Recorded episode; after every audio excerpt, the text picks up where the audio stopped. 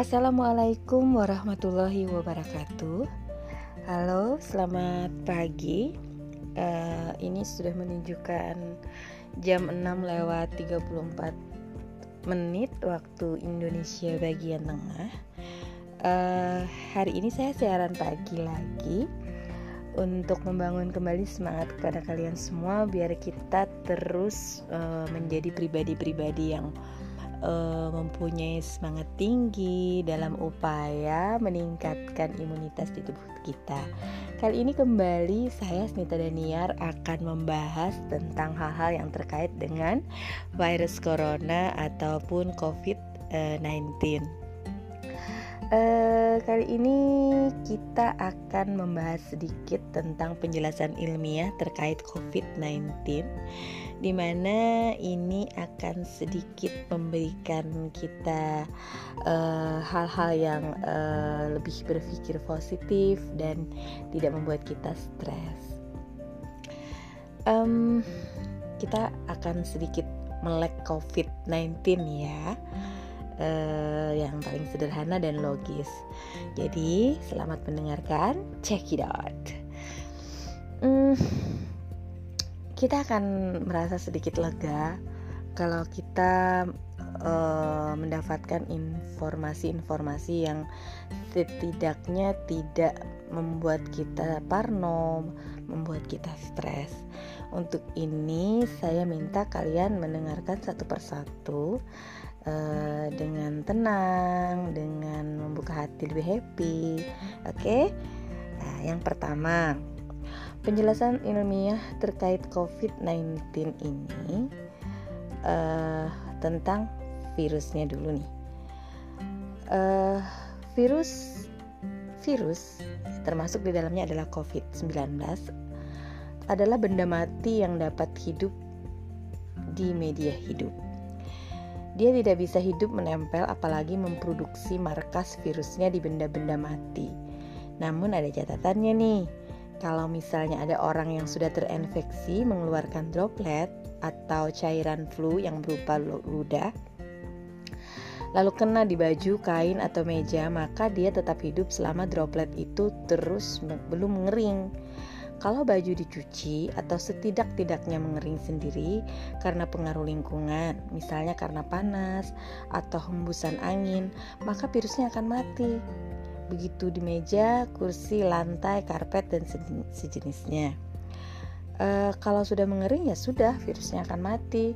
Nah, jadi buat kalian yang tiba-tiba datang jalan tuh, e, bajunya langsung cuci, maka nggak akan was-was lagi ada virus atau enggak, dia akan mati.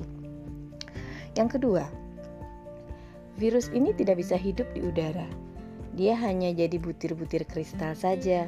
Semua jenis virus mau virus flu, uh, flu, TB, paru, dan lain-lain. Bagaimana dengan berjabat tangan?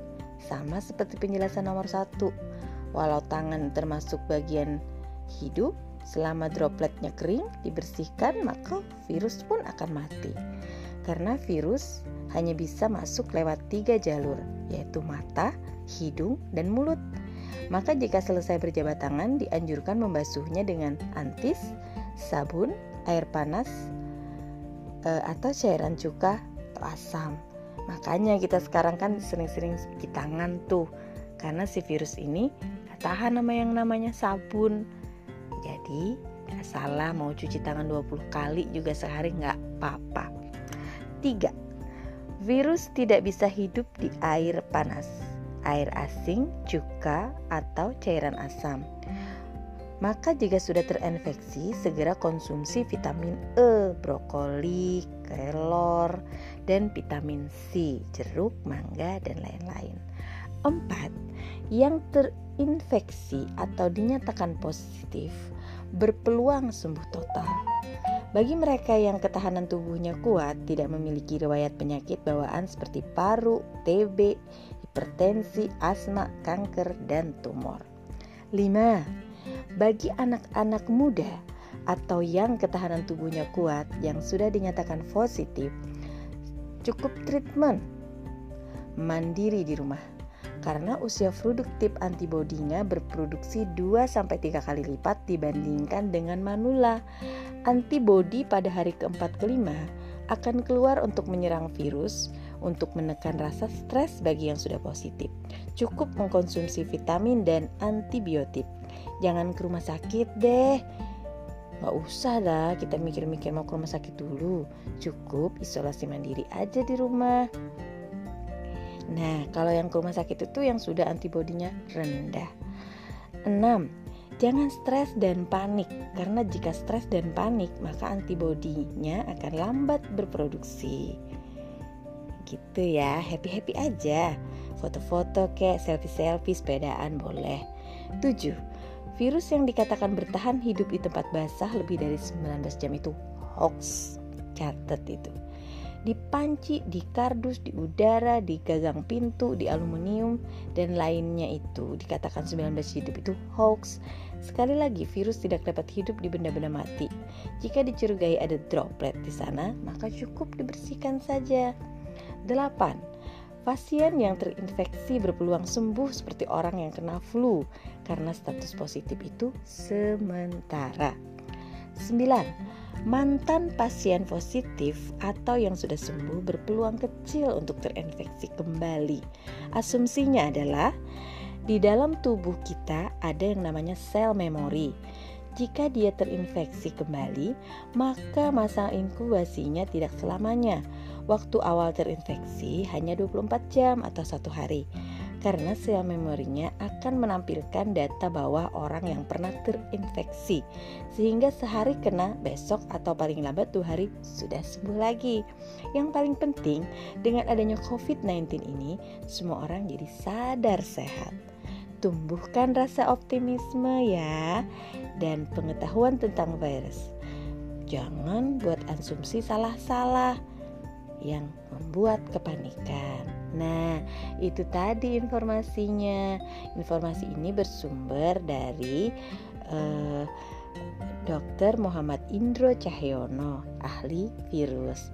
Ini akan memberikan kita angin segar loh. Uh, kita jadi bisa nggak parno terhadap hal-hal yang uh, selama ini menjadi tanya-tanya besar. Kita jadi yang, uh, uh, kita jadi macam-macam lah uh, uh, mikirnya gitu. Jadi semoga bermanfaat ya. Ayo, lebih banyak sharing berita positif supaya kita nggak takut berlebihan. Meskipun harus tetap waspada ya dan jaga selalu kebersihan. Semoga wabah ini cepat berlalu. Amin ya rabbal alamin. Oke, terima kasih sudah mendengarkan. Saya senang sekali bisa membagi hal positif di pagi yang cerah ini. Saya sudah happy. Terima kasih. Assalamualaikum warahmatullahi wabarakatuh.